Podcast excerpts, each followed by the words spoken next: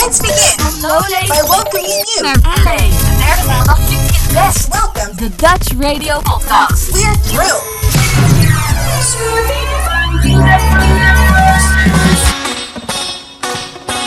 Start now.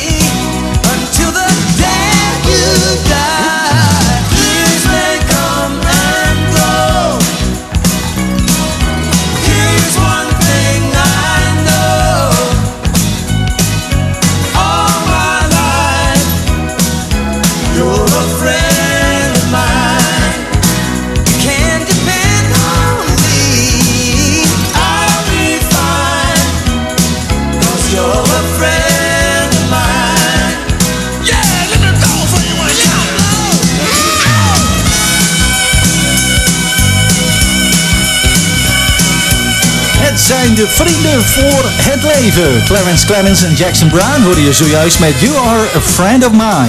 Het is maandag 18 april, net na achter in de avond in de AFM Studio. En ik mag je graag welkom heten, want dit is de Dutch Radio Podcast from Lole to LA. In dit uur, zoals gebruikelijk, het laatste nieuws van Almelo en omstreken. Nederland tot aan het Wilde Westen in Amerika. In het uitvlucht nieuws de keer aandacht voor de opmars van telewerken in Amerika welk impact heeft dit op het werkleven na de pandemie? En memoires en nostalgie. Memorabele muziekklanken met hits uit de jaren 80 en 90. Dit alles bij de steun en toeverlaat voor de lokale media. Dit is AFM met nu Level 42. Because it's over. I won't be here when you come home. Sorry if you don't understand. Forgive me if you.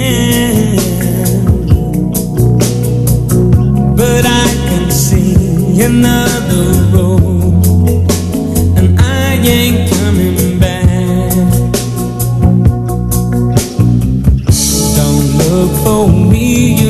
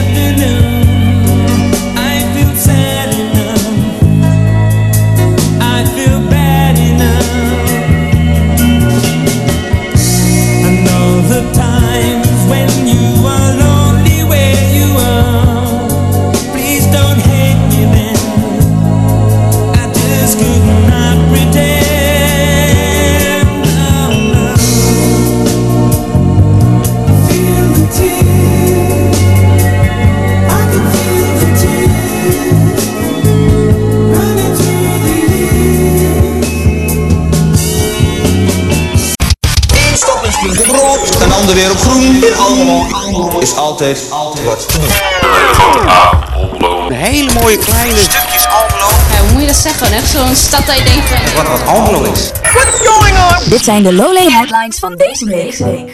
Het binnenlands nieuws. Het duurt nog even, maar Ilse de Lange komt weer naar Almelo. Schrijf het maar vast in je agenda, want op zaterdag 5 november kun je haar horen en zien in het Theaterhotel in Almelo. De kaartverkoop begon op afgelopen vrijdag 8 april en op haar Facebook laat ze weten ongelooflijk blij te zijn. Ze zegt, woorden schieten tekort. Ik heb er zoveel zin in. Ik hoop dat ik jullie daar allemaal weer ga zien. Na twee jaar zonder optredens kan het uiteindelijk weer. We hebben de afgelopen afgelopen tijd met z'n allen zoveel geduld moeten hebben. En na zo'n lange tijd kan ik eindelijk bekendmaken dat we heel veel nieuwe shows gaan spelen in Nederland. Het aantal coronapatiënten op de intensive care afdelingen is gedaald tot 95. Het is voor het eerst sinds 19 juli 2021 dat er minder dan 100 patiënten met COVID-19 op intensive cares behandeld worden. Dat blijkt uit cijfers van het Landelijk Coördinatiecentrum Patiëntenspreiding LCPS. PostNL stopt vanaf 1 juli met papieren kennisgevingen voor wie niet thuis was om zijn pakket aan te nemen. Klanten kunnen vanaf dan alleen nog digitaal zien wat ze moeten doen om hun pakket alsnog te krijgen. Dat meldt het bedrijf afgelopen vrijdag.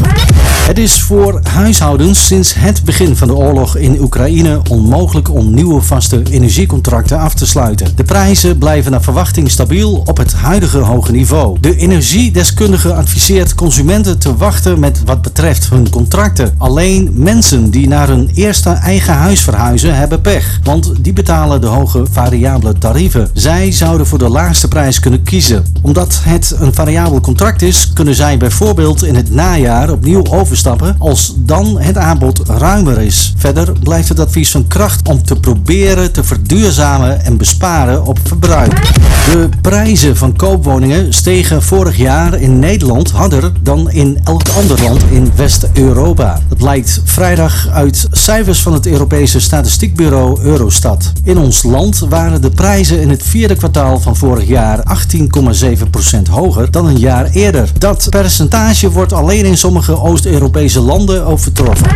Het is een eenmalige royale handreiking van de overheid. Huishoudens met een laag inkomen kunnen dit jaar een energietoeslag krijgen van 800 euro ter compensatie van de hoge energiekosten. De gemeenten mogen niet, maar moeten het geld uitdelen. Maar zo makkelijk is dat niet. Want wie heeft er recht op deze compensatie? De gemeente Almelo maakt de energietoeslag op korte termijn sowieso over aan bijstandsgerechtigde inwoners. Maar wel per huishouden. Dus als een adres wordt gedeeld door twee bewoners met een uitkering, krijgt één van de twee het geld. Dat betekent dat er in Almelo zo'n 2100 mensen de 800 euro op korte termijn krijgen overgemaakt.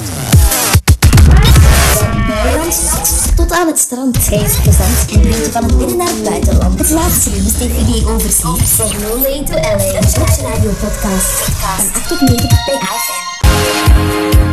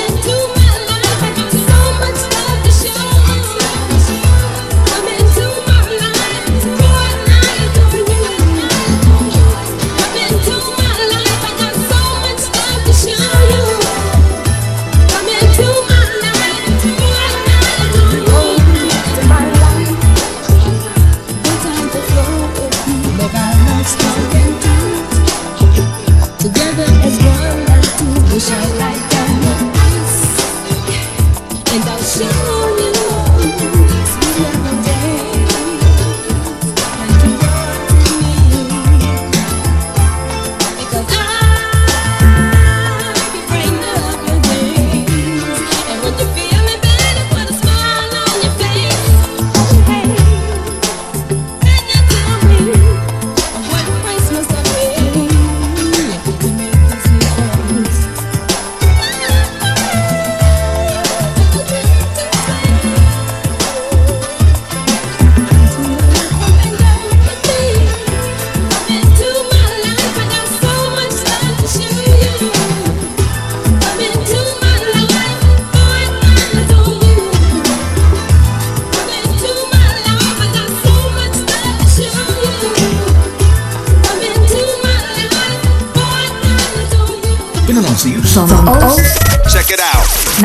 Knap, knap, je best, best. Buitenlands nieuws. Even loud and obnoxious. Niet ver van je bed. Ja, keep it live, right? De Dutch Radio Podcast Rolling to Ellen met Henry van Spoelen.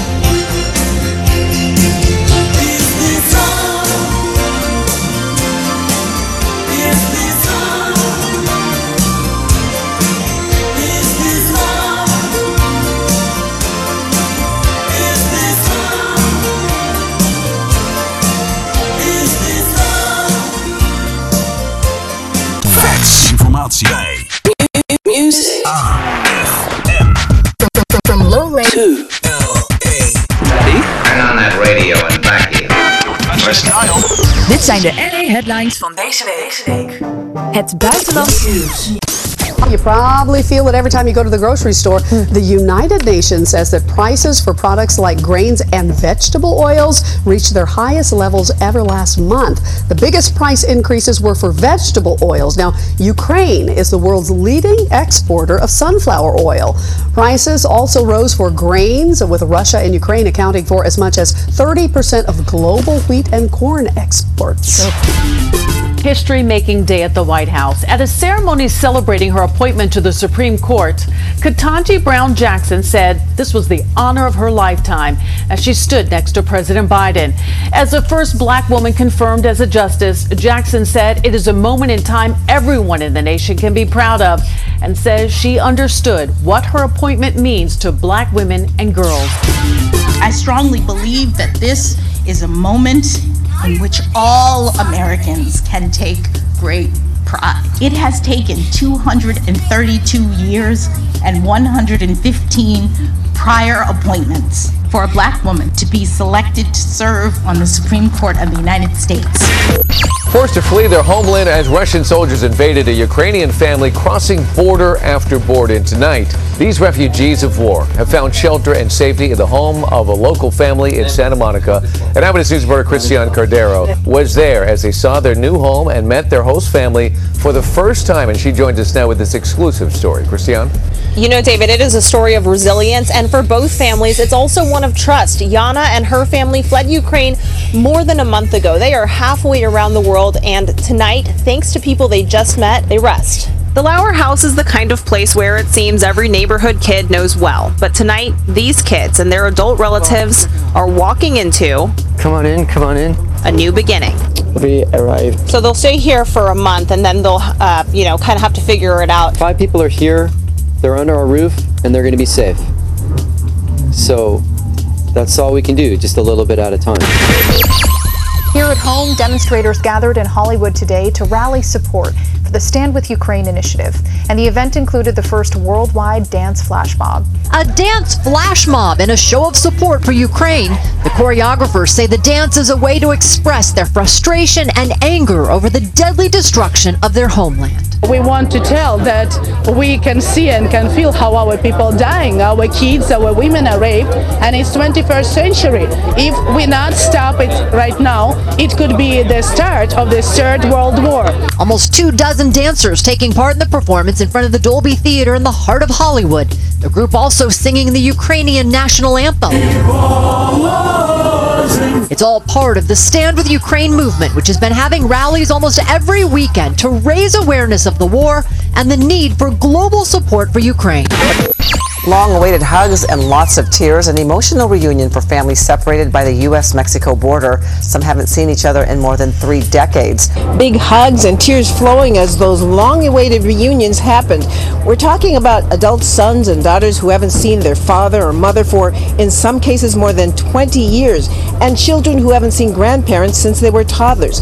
Immigrant families living here in Southern California bringing bouquets of flowers to greet loved ones arriving from Mexico, most of them seniors. a lot of memories. It's been a lot of birthdays that I can be with her. It's a lot of good moments that I didn't spend with my family over there. And thanks God I have the opportunity. Thanks to all these organizations that make that possible. that lost connection because you know you don't have all your family here they're in different parts of the world and just to have that honor to like have them close to you at least once in a lifetime it's just it's something like something to be grateful for And as we come back out here live, we are already seeing that this is going to be a very special time for these families. Tune in. to This podcast now on Spotify Google Podcasts.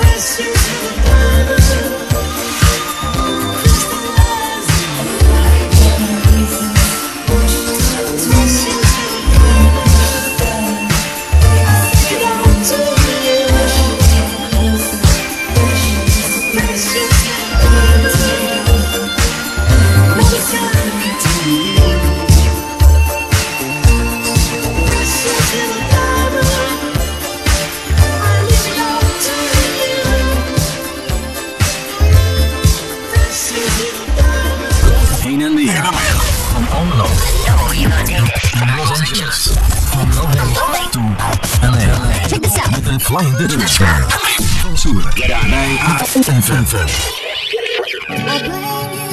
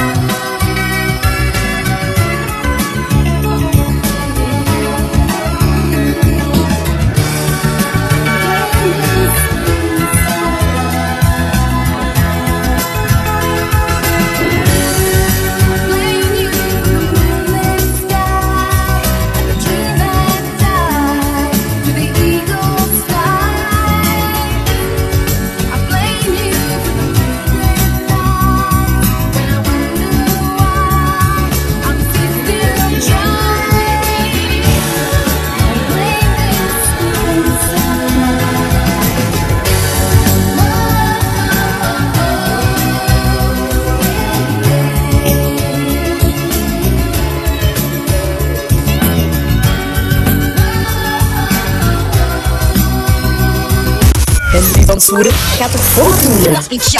From LA to LA. Your radio frequency has not changed. I am the flying Dutchman.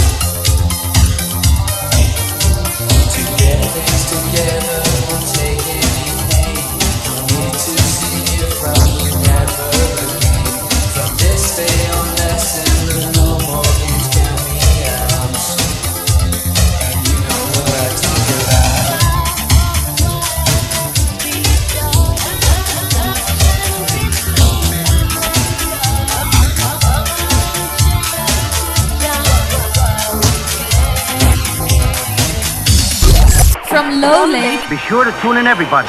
to LA. I got some big news. Bring it on. Here's some more exciting news.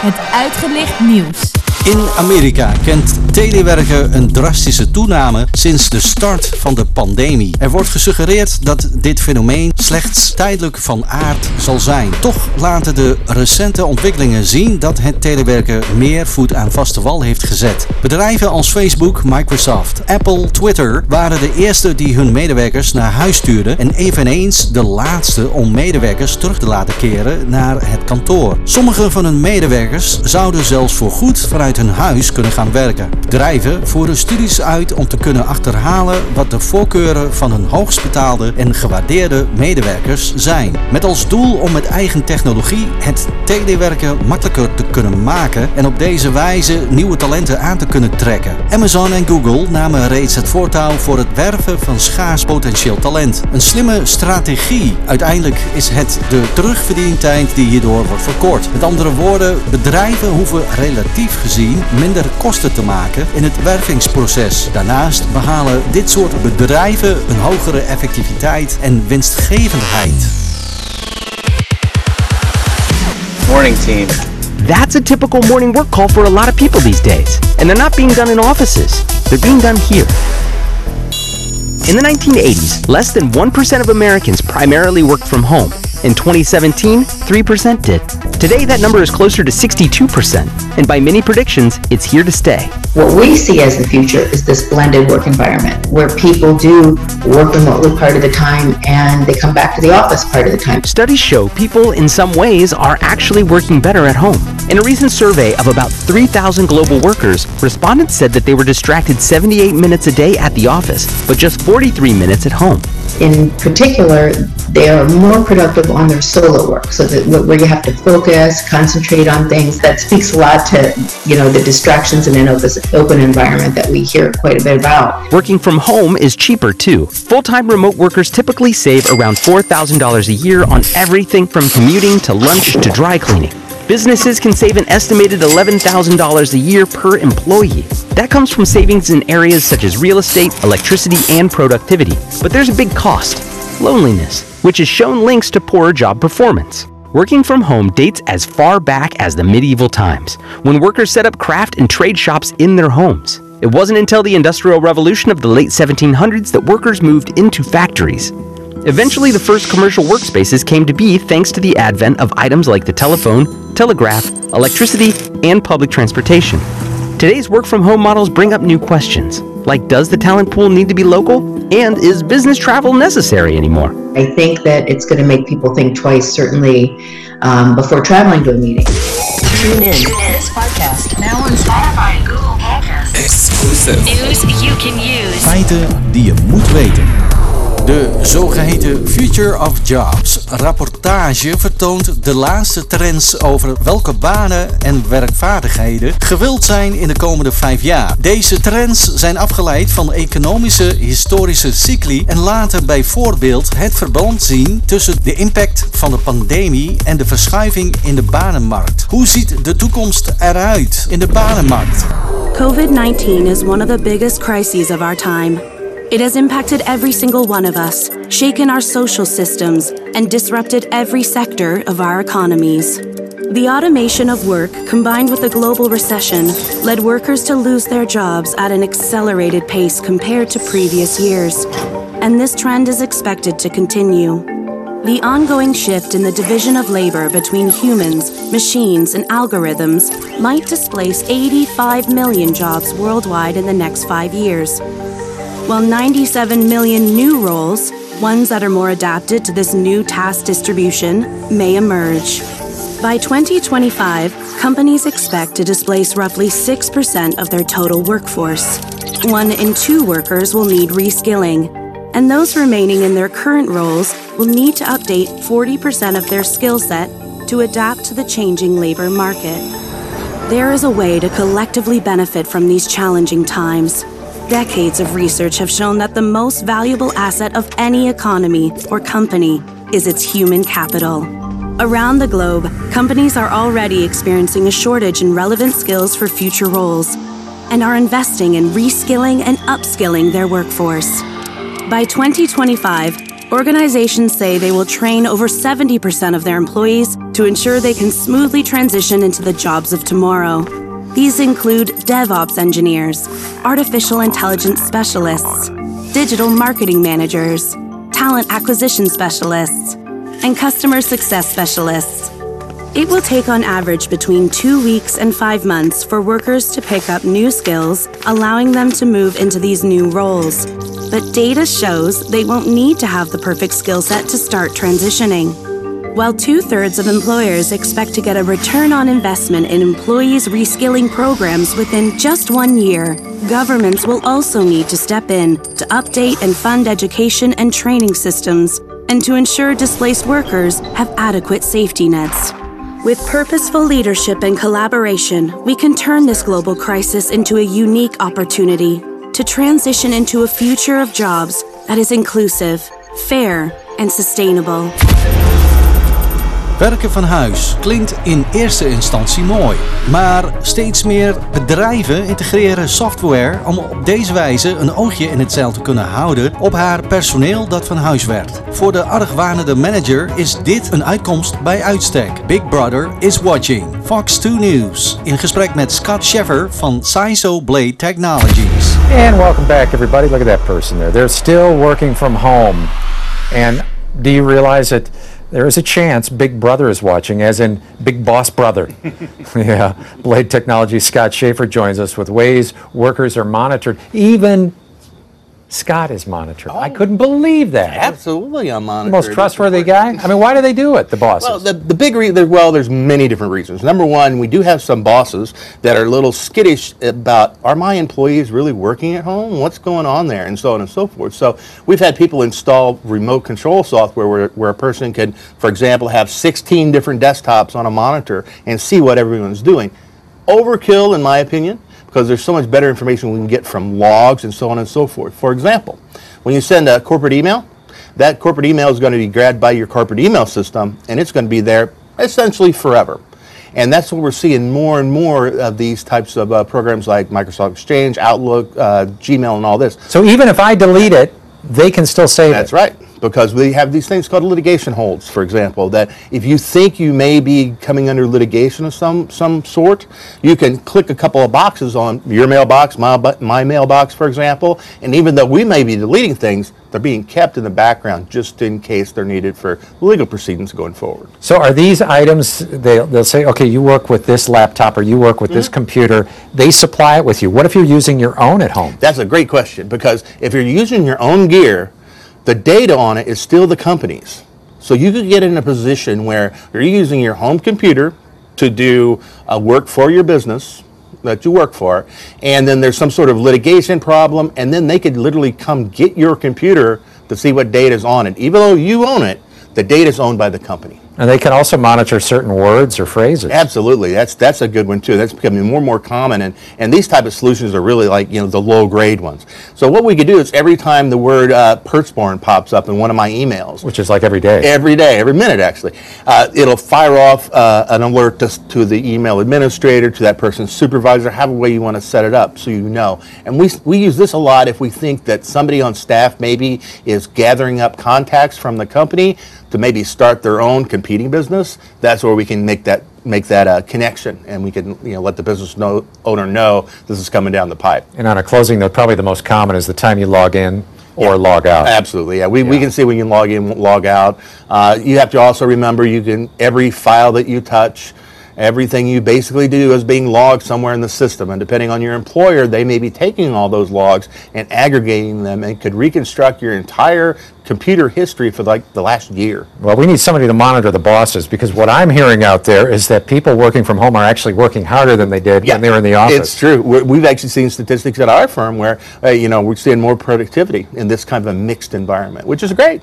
That is. Scott Schaefer from Blade Technologies. If you have any questions about this, you can always contact Scott. Thanks so much for coming in. Always a pleasure. Serving the universe from Loolee to Los Angeles. From Loolee to LA. On air,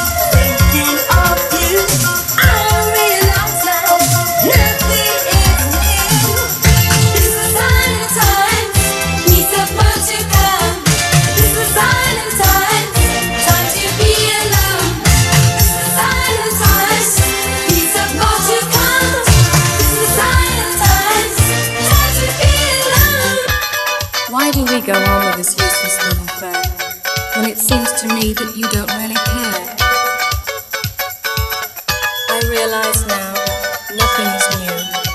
Time to live my life.